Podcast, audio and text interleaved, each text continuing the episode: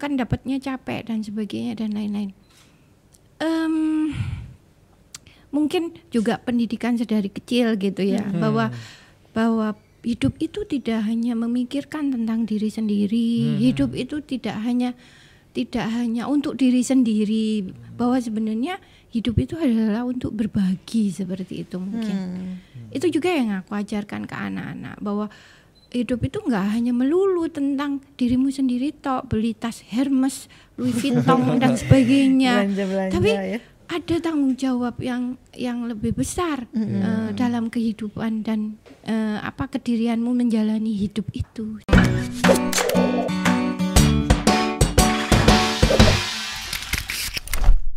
Halo, selamat siang Tribuners. Selamat siang Tribuners. Tetap semangat masih enam narasumber, masih banyak, masih Iya. sampai jam 11 malam ya, Saudara Renhan. Iya, udah empat narasumber ya, udah mulai lemas sebenarnya. Masih ada 12 jam lagi teman-teman. Ibu tahu karena kita hari ini 16 jam bersama 16 narasumber dalam rangka 16 tahun, tahun hari ulang tahun Tribun Batam. Luar biasa. Oke. Ada siapa sih? Ini ada ibu kita yang semriwing. Ibu cantik ini, Ibu Zaro. Betul, Zaro. Bu? Ya, benar. Selamat datang Bu Jaro, kedatangan perdana. ya. Zahro. Zahro, sorry, sorry. jangan Pakai Zahro. Zai, Oh, Zairo. Oh, Zairo. Zairo. pakai Zai. Zairo ya. Kita bingung jadi namanya Zairo gitu, Bu. Ibu Zairo suka pakai minyak zaitun. Ibu Zaro ini eh saya nggak tahu ibu ini sebagai apa ya. ibu ini pokoknya eh, dulu katanya ini ya ASN betul, tapi sudah keluar. Enggak, enggak sabar. Poinnya Tapi tetap, nanti itu dulu. Kita- poinnya tetap ini kita mau ngebahas soal narasumber yang menginspirasi. Oh pasti pasti pasti kita nggak akan mengundang narasumber-narasumber yang tidak inspiratif karena Iya. kita edisi spesial mengundang yang inspiratif. Iya, Yes, tadi yang enam, eh, ini yang kelima sebelumnya itu sudah didengar sendiri mereka dengan berbagai bidangnya. Nah kali ini mungkin lebih ke sosial sih si Iya. ibu ini. Itu ibu. Siapakah? Kenapa dipanggilnya Ibu Zaro bu? Pan- Panjangnya apa sih bu? sebenarnya? Zahro Turiat. Oh Zahra lebih lebih Turi ya. susah. Lebih susah ya. iya sih, Bu. Bisa Iya, bisa kalau dipanggil Bu Jai gitu, Bu. enggak Buzi. Ah. Bu Zio. Dok- dokter Itu ibaratnya banyak, Bu ya. dokter Aduh. dokter Z gitu. Oh, dokter Z. enggak. Oh iya, teman-teman harus tahu ini dokter gigi. Bisa dipanggil Iya. dokter Z. Dokter Z. Ja- jangan sampai dokter KKI. Oh, sebut dokter Aduh. gigi, Ibu. Enggak, enggak, itu beda beda beda beda. Emang seru nih bintang tamu kali ini ya. Seru gokil Iya, banget iya, dianya iya. ibu ini. Eh tadi ngobrol-ngobrol di belakang udah aduh. Tapi Hmm. nanti- kita ulik lah di sini. Iya. Ibu ini sudah udah memang asli Batam bu. Oh enggak, aku asli Jawa Timur. Oh dari Jawa Timur. Siap. Lumajang. Lumajang. Tapi di Batam sejak kapan bu? 2006. 2006. Anak suami semua di sini? Suami satu. Iya, Iya sih. satu bu. Jangan banyak-banyak. Anu susah ngerawatnya. satu aja udah susah gitu ya. Iya sih bu, benar ya bu. Satu. Gokil. Anaknya berapa bu? Anak Anak tiga. Nah Anak itu tiga. bantu merawat kan, bukan dirawat. Ya, itu investasi ya bu ya, untuk menjaga suami nanti ya. Oke. Ibu. Anakku udah gede-gede. Yang pertama udah SMA kelas 3 Kelas Oh, tiga. kelas tiga. Yang ke baru pulang dari Prancis. Oh iya. Wus, bus- kuliah bu ya? Ikut student exchange kemarin. Udah sedap. Terus yang Iya. kedua SMP kelas 2 Katanya yang kedua ini dari Jerman bu ya? Oh enggak ya bu ya? Oh ya amin. Oh kirain. Kirain. yang ketiga kelas 3 SMP. Kelas 2 kelas 1 SMP ya. Oh, kelas udah satu gede-gede, udah gede-gede. Gede-gede, Iya. Keren, Jadi eh, ibu ini kegiatannya apa sih bu? Sebenarnya ibu ini selain dokter gigi tadi. Eh, kegiatan yang prioritas ya itu mendidik anak-anakku memang. Nggak, ini bukan klise tapi ya ini prioritas utama itu adalah Mendidik anak-anak. ah, mendidik anak-anakku. Yang kedua cari duit. Nah, pasti. praktek bisnis. Yang ketiga baru proyek ke pulau-pulau itu. Nah, ini nih, proyek itu. pulau-pulau nih kayak yang mau kita bahas Iya, nih kita ya. mau mengangkat ibu ini dari segi eh, dia ke pulau ke, ke pulau-pulau. Kenapa Iya. sih ke pulau-pulau ya kan ibu? Mm-mm. Kata, nih katanya, katanya Bu, katanya Bu Zini punya cerita inspiratif nih Kak. Iya. Dulunya ASN, dokter gigi, terus udah nggak ASN lagi, malah milih ke pulau-pulau. Ibu tuh gimana sih Bu? Orang semua pengen jadi Hmm, ASN, ASN. pengen gaji yang jelas segala macam. Kok Ibu mau maunya ninggalin? Gimana Bu alasannya apa ceritanya bu Bu? alasannya kenapa ibu tinggalin Iya, itu kisah inspiratifku mungkin beda ya sama kisah inspiratifnya KKI. saya juga belum menemukan inspiratifnya kayak itu apa ya guys iya, iya. Misalnya inspirasi juga lucu ya. iya, iya, iya. Eh, awalnya tahun 2010 eh, diriku ter- ke- diterima sebagai ASN kan ASN. dokter gigi di Puskesmas Galang. Oh, di Galang. Ah, jadi ditempatkan di Puskesmas Galang. Eh apa namanya? Wilayah kerja Puskesmas Galang itu kan 140 pulau. Iya. Hmm, Tapi kan yang berpenghuni itu 40 pulau. Oh. Jadi di 40 pulau itulah tanggung jawab diriku untuk melakukan tugas sebagai Dokter dokter gigi ASN itu. Eh, jadi eh, satu hal yang yang kem- yang diriku ping- selalu ingin menyampaikan bahwa eh, tidak semua apa pandangan tentang ASN itu bahwa ASN itu tidak bekerja, tidak punya dedikasi, makan gaji buta itu tidak terjadi di puskesmas puskesmas pulau itu. Jadi aku bisa menjamin itu gitu.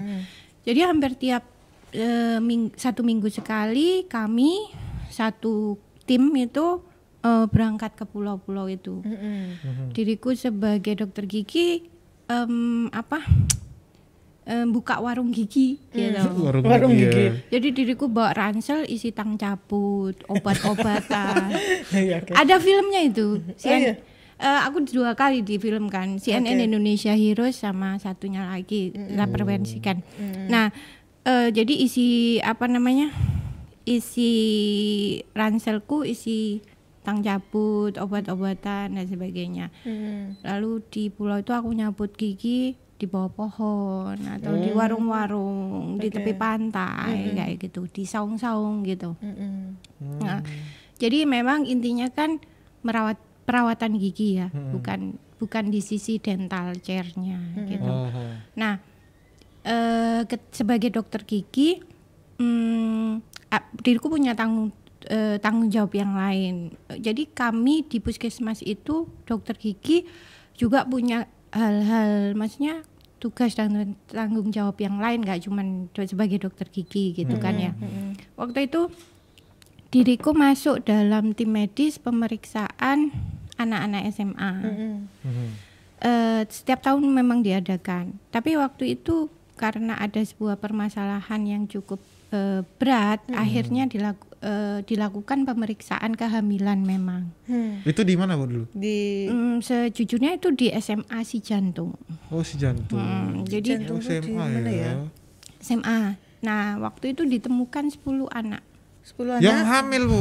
hamil Oh, kelas iya 3 ya. SMA oke se- sebulan sebelum UN. Sebulan sebelum UN si hamil. jantung tuh di Si daerah jantung itu daerah Galang ya? em, iya itu apa kampung Vietnam. Oh aduh oke. Ya, jadi eh setelah pe- apa pemeriksaan setelah acara pemeriksaan itu selesai eh, se- diriku pulang dengan stres gitu maksudnya. Ibu Karena ya kepikiran bahwa ada 10 anak remaja putri hamil Hmm. eh di luar nikah otomatis. Oh. terus apa namanya di usia di, di usia Di bawah remaja 20, di Iya, bawah di 20 ya. Ah, yang kemudian pasti itu akan menjadi kehamilan dan persalinan beres- beresiko tinggi. Iya, iya. Nah, kayak gitu. Itu urutannya akan seperti itu gitu. Iya, iya. Iya, iya. Eh, kehamilan dan persalinan beresiko tinggi, maka eh, angka kematian ibu dan anak akan tinggi. Oke. Seperti itu kan. Iya. Indonesia me- menduduki peringkat ke ketiga ketiga ya Bu, ya, kematian ibu dan kematian. bayi terbesar. Tinggi. Mm-mm. Nah, jadi setelah itu eh setelah itu hari Sabtu, hari Seninnya diriku mm, memutuskan menemui ibu kepala puskesmas waktu itu, bapak apa eh, ya pokoknya setelah itu diriku menemui kepala puskesmas eh, menyampaikan bahwa diriku tiap Sabtu minta izin untuk berkeliling SMP dan SMA di wilayah Pulau Galang Galang, ya. mm, untuk menyampaikan tentang materi kesehatan reproduksi remaja. Mm-mm. Eh, Alhamdulillah waktu itu diizinkan. Mm-mm. Cuman memang beliau bilang bahwa tidak ada dana untuk itu. Mm-mm. Eh, dan diriku tidak apa-apa. Mm. Ada suamiku yang akan memasok dananya. Nah, Udah serius loh ini. Ini udah serius ya bu ya. Tetep Tapi aja. ya udahlah bu ya. Oke. Oke, terus. nah, jadi mm, sejak itu 2010 diriku berkeliling Hmm. Setiap ke SMA. Itu sendiri, SMA, Bu? Sendirian. Oh, sendirian. sendiri ya? Aku bawa laptop sama infokus kayak gitu. Oke. Eh, karena caraku sel- sel- selain materi kesehatan reproduksi remaja, aku bercerita tentang negeri-negeri yang jauh, tentang Eropa, tentang Oh, eh, membangun pengetahuannya. nah, seperti itu. Itu Jadi lebih ke anak SMP atau SMA? SMP dan SMA. SMP dan SMA. Heeh. Oke. SD aku tidak mengambil tanggung jawab eh, untuk itu dulu gitu. Karena remaja kan ya Iya, iya. SMP dan SMA gitu. Itu 8 SMP dan 3 SMA Delapan yang SMP diriku eh, terus diriku gilir seperti itu. Di- dan di pulau-pulau itu kan eh, belum ada listrik. Sampai sekarang pun Iya. belum ada listrik. Iya. sehingga kadang tiba-tiba di tengah aku nyetelin film gitu mati karena solarnya habis. Eh, seperti itu. Hal-hal seperti itu jadi iya naik perahu sendirian seperti itu. Jadi ke sekolah-sekolah itu. Tapi sebelumnya aku sudah menginfokan bahwa diriku akan datang untuk me- Memberikan- sosialisasi lah ya. memberikan Dan mereka menerima ya bu ya. awalnya eh, awalnya aku sejujur aku dicuekin gitu sama anak-anak itu. Apa lah bu dokter yang ngomong apa gitu misalnya ya. Dan itu berjalan sampai empat tahun Empat Empat tahun tahun. ya. empat tahun 2014 baru aku mendapat perhatian Empat tahun ibu baru mendapatkan perhatian. iya Itu dari perhatiannya dari mana bu? Pemerintah kah atau dari pihak swasta kah? dari anak-anak pulau itu Oh, gitu kirain ternyata dari anak ya. dari jadi anak-anak jadi itu. awalnya ibu ini tidak di direspon. Apa sih ibu ini dicuekin selama empat tahun? Coba bayangkan. Ibu sabar ya bu ya. Dan empat Iya. tahun baru ibu ini berhasil ya bu Iya, ya. iya, iya, iya. sabar, penyayang, hemat dan bersahaja. Oke bu. Iya, jadi ya itu empat tahun. Empat tahun itu diriku juga mulai buat mulai buat riset, eh, maksudnya mengumpulkan data. Jadi 2014 itu 33 eh dia 31 kehamilan usia Ya. di bawah 18 dan 33 persalinan di bawah usia eh, 18. 19. Kemudian 2006 eh 2015 eh, menjadi 22 Menurun. Persalinan dan 22 kehamilan. Oh jadi ibu ada tolak Iya, ukurnya iya. nih. Aku Ha-ha. berhasil apa enggak? Iya, gitu. ha-ha. iya, iya. 2016 menjadi 15 dan 15. Coba Oh. perlu waktu berapa tahun untuk bisa turun sampai di angka separuhnya itu begitu. Iya. Itu yang tercatat. Oke. Jadi eh, apa namanya dengan anak-anak diriku bisa bersahabat dengan baik dengan gu- yang diriku bersyukur di setiap sekolah tidak pernah satupun bapak ibu guru atau kepala sekolah yang menolak diriku Iya, untuk datang semua. Eh, seperti itu. Aku tuh penasaran nih bu. Ibu waktu ngajarin anak-anak itu mensosialisasikan soal apa tadi reproduksi dan segala macam. Iya. Biasanya ajarannya apa aja sih bu? Ajarannya. Iya. Pengen Yang aja diajarin. Iya, yang penting bukan ajaran sesat. Iya. Iya juga. Maksudnya materi Iya. apa yang ibu sampaikan nih? Eh, yang pertama tentu saja ini apa namanya bahaya kehamilan dan persalinan di usia remaja. Oke. Kenapa kok tidak boleh eh, melakukan hubungan seks, hamil dan melahirkan di usia di bawah 20, 20 tahun, tahun, ya. itu gitu, seperti itu. Karena kan orga- organ reproduksinya masih bertumbuh, belum Iya. sempurna.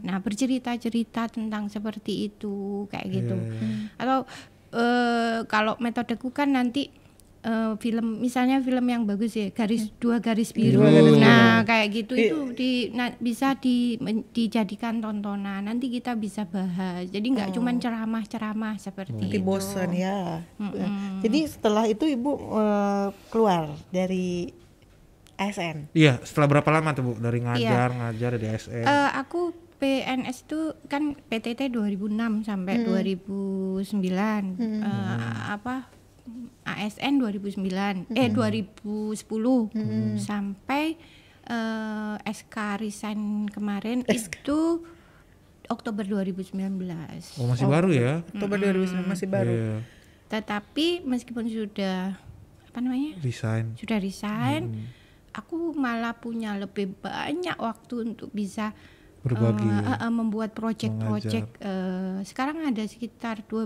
project yang sedang diriku kerjakan di pulau-pulau itu seperti itu Jadi Ibu keluar memang hanya untuk ini. wah enggak juga, Enggak juga. tidak seumulia itu dulu.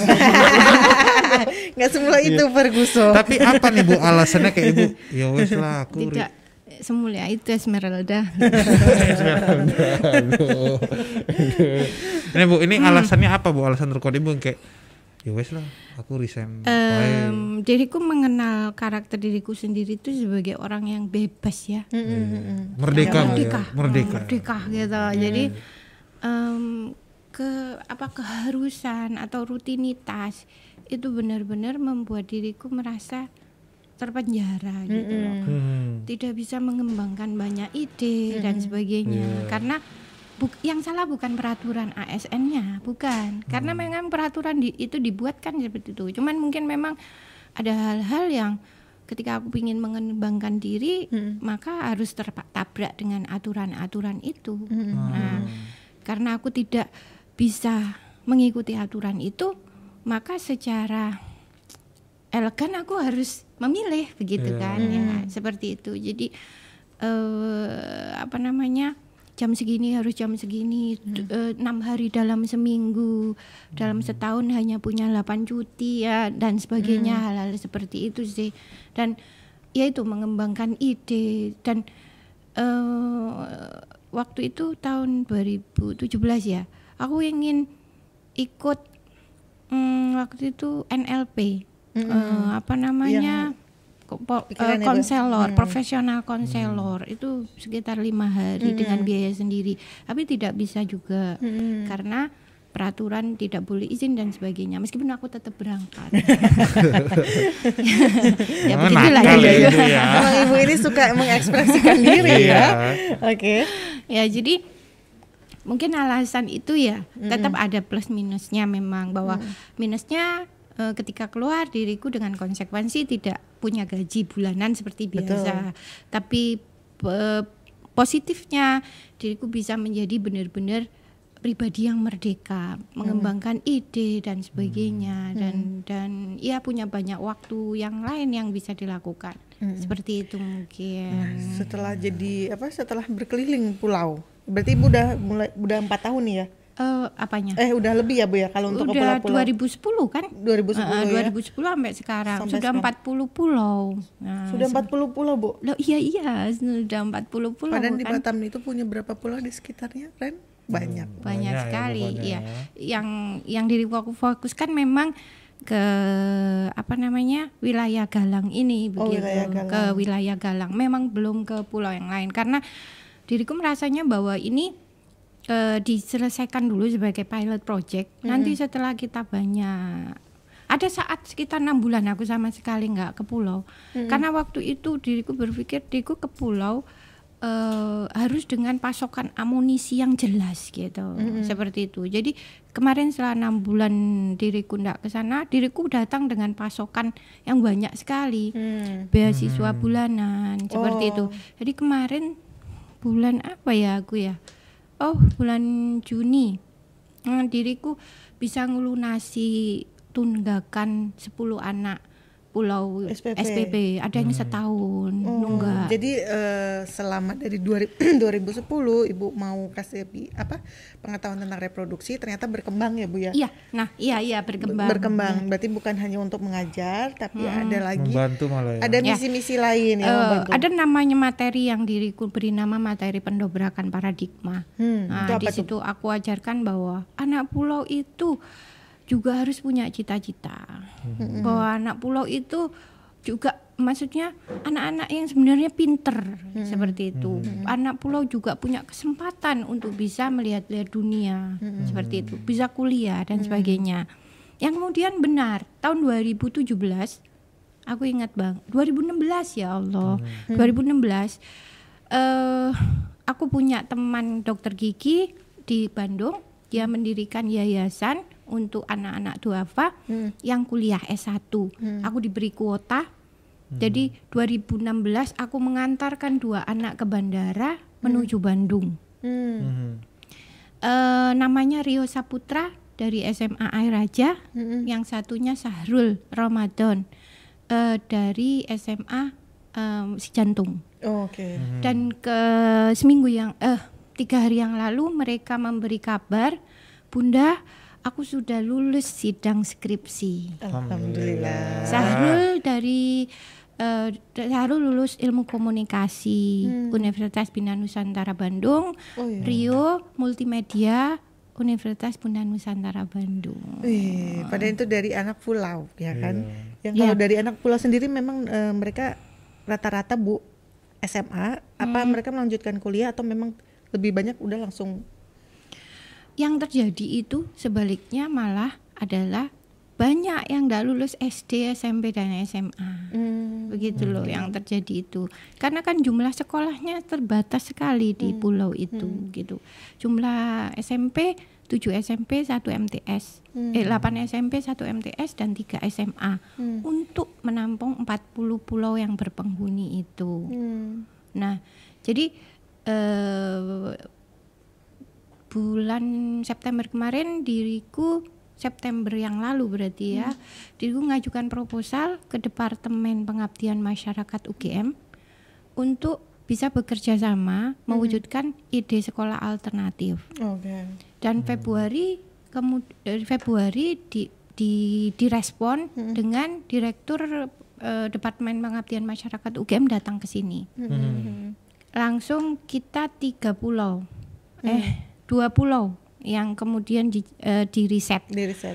Pulau Abang dan Pulau Karas. Hmm. itu udah sudah Pulau Abang akan dibuat menjadi eh, eh, maksudnya mahasiswa KKN ini nanti mahasiswa KKN yang akan datang ke pulau Ke sini ini. ya. udah riset nanti wisata pulau produk yang akan dibuat sekolah alternatif macam apa. Kita udah udah MOU dan sebagainya. Prof Irfan beliau seperti bapak ya. Paham sekali beliau tentang apa yang ingin diriku perjuangkan untuk anak-anak pulau ini gitu.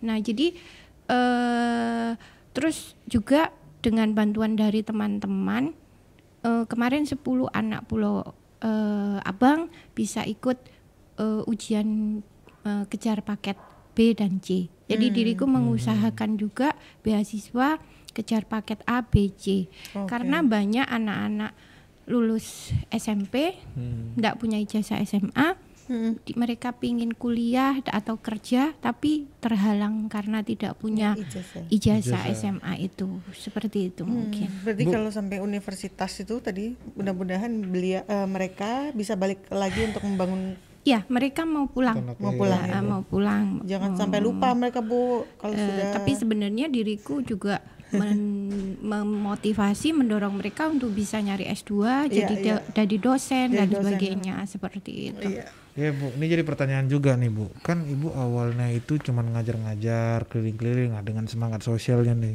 Tapi kan makin ke sini akhirnya sampai memberikan bantuan segala macam.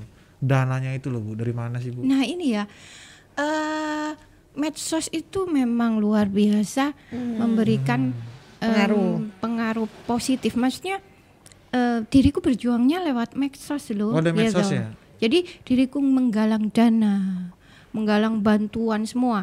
Jadi itu lewat medsos. Diriku memang pakai Facebook ya. Ah, Jadi eh, apa namanya? ya remaja mi- milenial begitu kan Iya, ya. iya, iya. Nah, jadi pakai medsos. Saya tak pakai pakai Facebook bukan Instagram. Nah, Terus itu kan bukan Twitter juga. ada.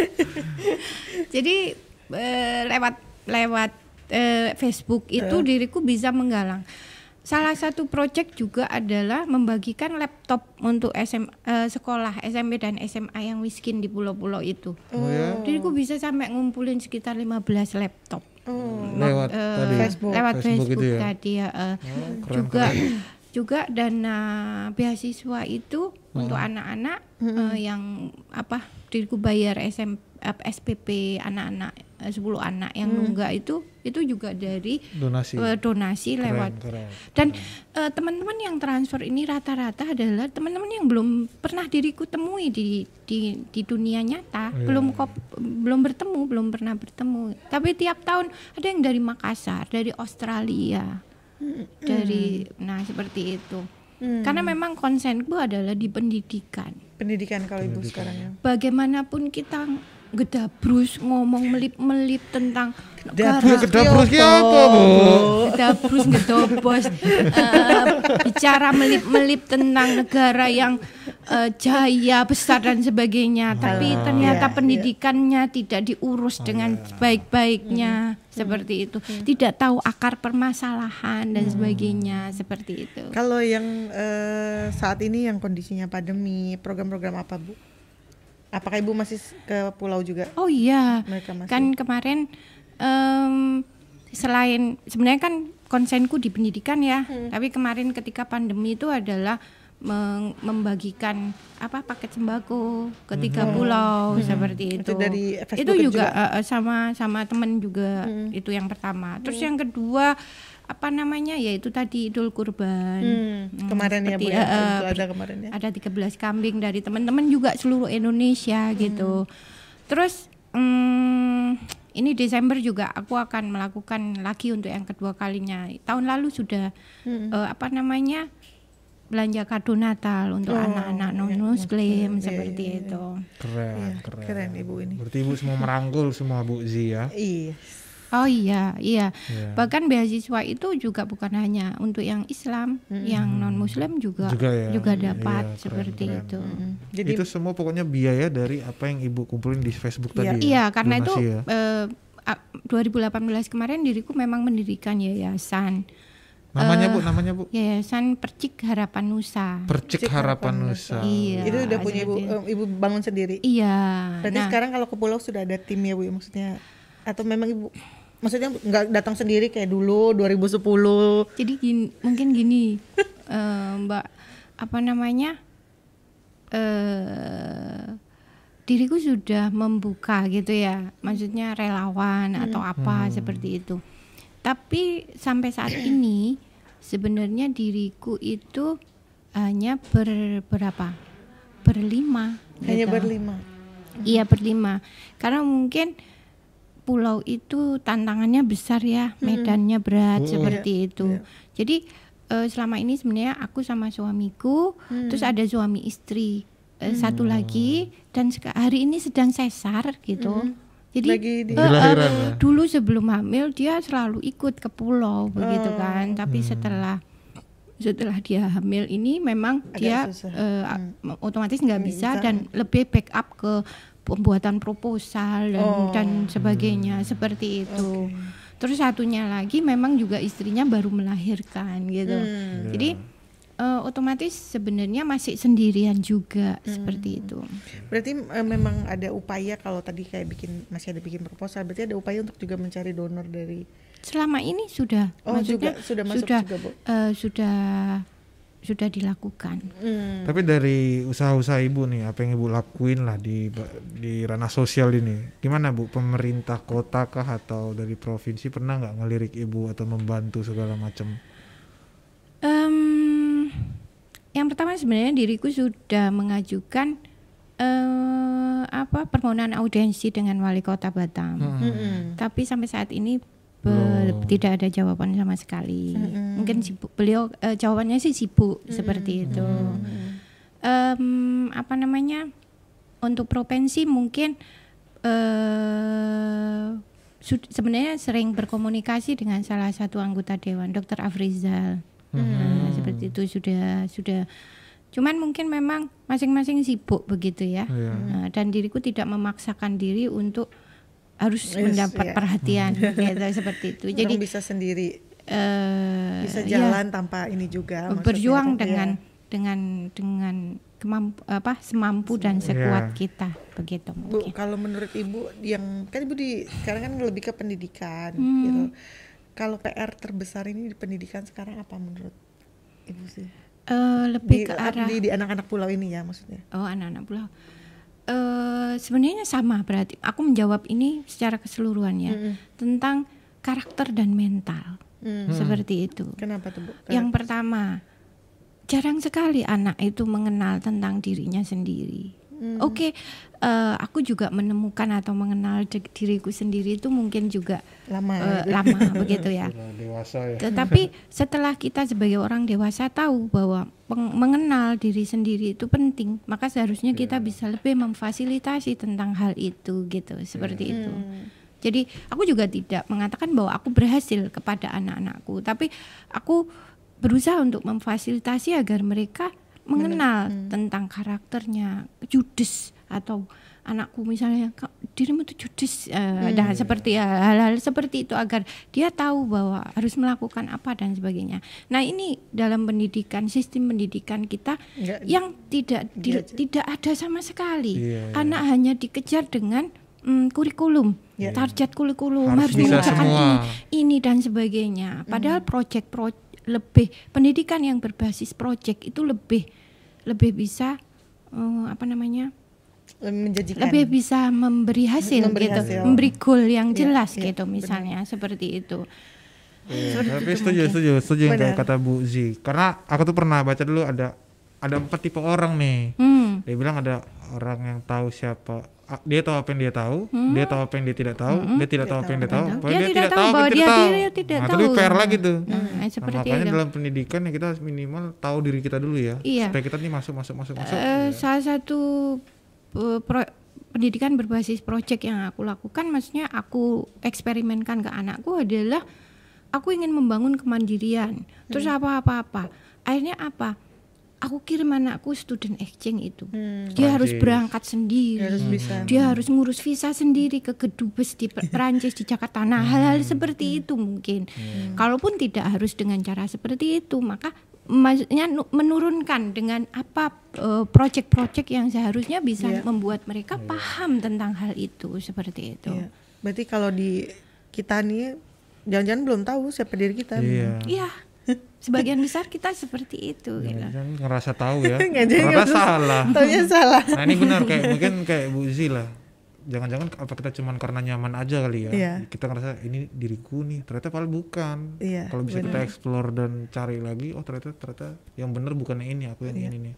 Ya kayak Bu Zi hari ini lah. Sosok yang menginspirasi. Dan ini masih masih apa maksudnya Bu?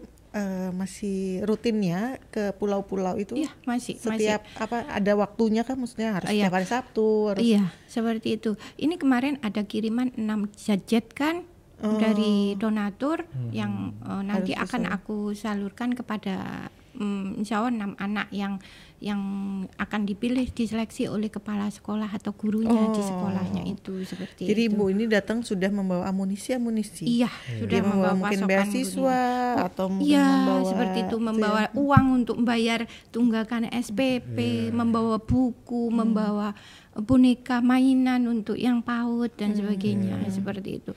Meskipun mungkin masih se masih minimal yang bisa diriku usahakan seperti itu Bu mungkin. pertanyaannya gini Bu, kalau aku lagi ngomong sama orang-orang kayak ibu ini yang filantrop lah mungkin bahasanya ya. Filantrop. Apa sih yang ibu kejar kalau ngelakuin kayak gini? Itu aja dah. Apa ya yang diriku kejar ya? Apa sih yang ibu dapat emang? Eh Lu mau cari Capek, apa sih sebenarnya? capek, Hmm, Capek. Orang pulau. tekor. yang pertama orang melihatnya sering seperti itu ya Eh, bahwa itu itu nelongso dan sebagainya padahal ter- sebenarnya dalam satu hal yang diriku rasakan karena diriku mengerti karakter diriku sendiri ya bahwa itu membuatku bahagia begitu. Bahagia.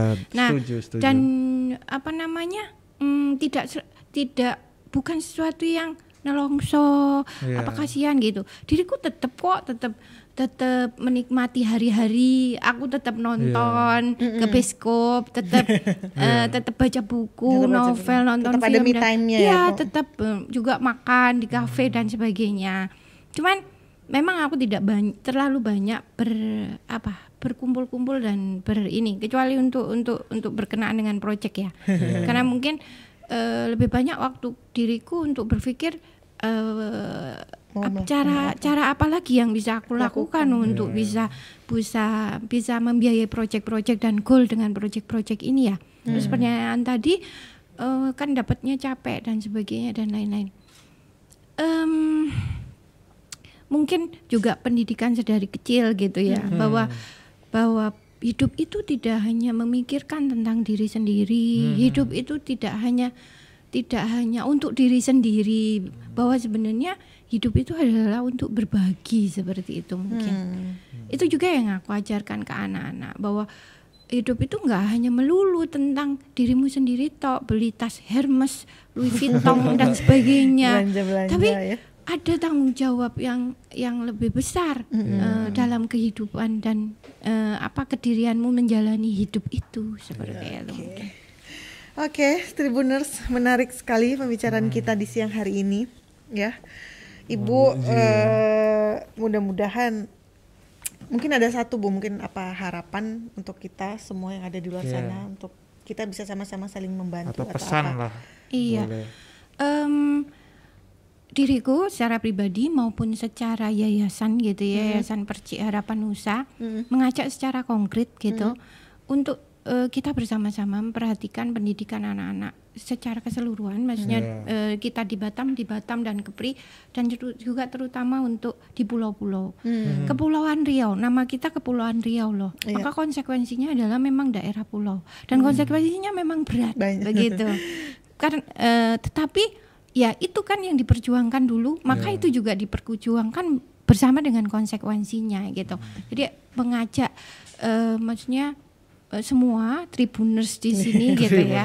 Ma- Tribuners gitu. mau di Batam, di Kepri atau di eh, seluruh Indonesia seandainya memang eh, apa punya punya apa effort, Effort. eh, atau punya sesuatu yang bisa dibagikan bisa bekerja sama gitu. Siap. Kita bisa bekerja sama Iya. untuk solar entah itu solar cell, beasiswa, eh, wifi gratis seperti- apa pun yang penting Apa pun. berguna ya Yang penting Seperti berguna untuk Iya. Iya.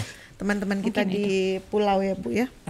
Oke. Ada Mungkin ini, Kak? bisa ke mana kalau misalnya mereka mau menghubungi? Ah iya, Bu? boleh Bu di share mungkin Facebooknya, nomornya segala Ah, macam iya. kalau misalnya. Eh, apa namanya bisa hubungi WA Boleh, WA. nomornya mungkin Sebut ya. aja Bu. Nanti ada di Sebut sini Bu aja. ya, Oh, biarpun gitu. nggak ada ya.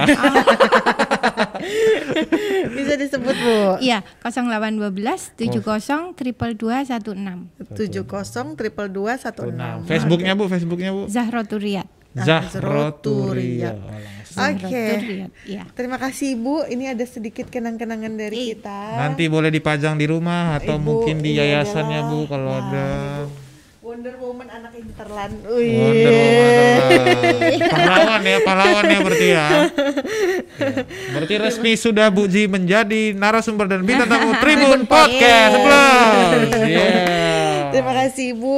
Sehat selalu. Dipanjangkan umurnya terus Bu. semangat- Dipanjangkan Amin. umurnya ya. Sehat-sehat terus ya. Sehat Pokoknya terus. semangat terus Iya. untuk anak-anak kita, teman-teman kita yang di pulau Bu. Bisa membantu banyak anak-anak pulau lainnya Bu. Iya. Hari ini mungkin di Galang, entah besok mungkin di pulau yang lain. Amin. Iya, iya. Ya, di begitu. belakang Padang sana juga masih Iya. banyak, Ah, banyak ah. lagi ya Bu. Iya. ya? Nanti kita Iya. undang lagi Bu kalau udah di pulau yang lain.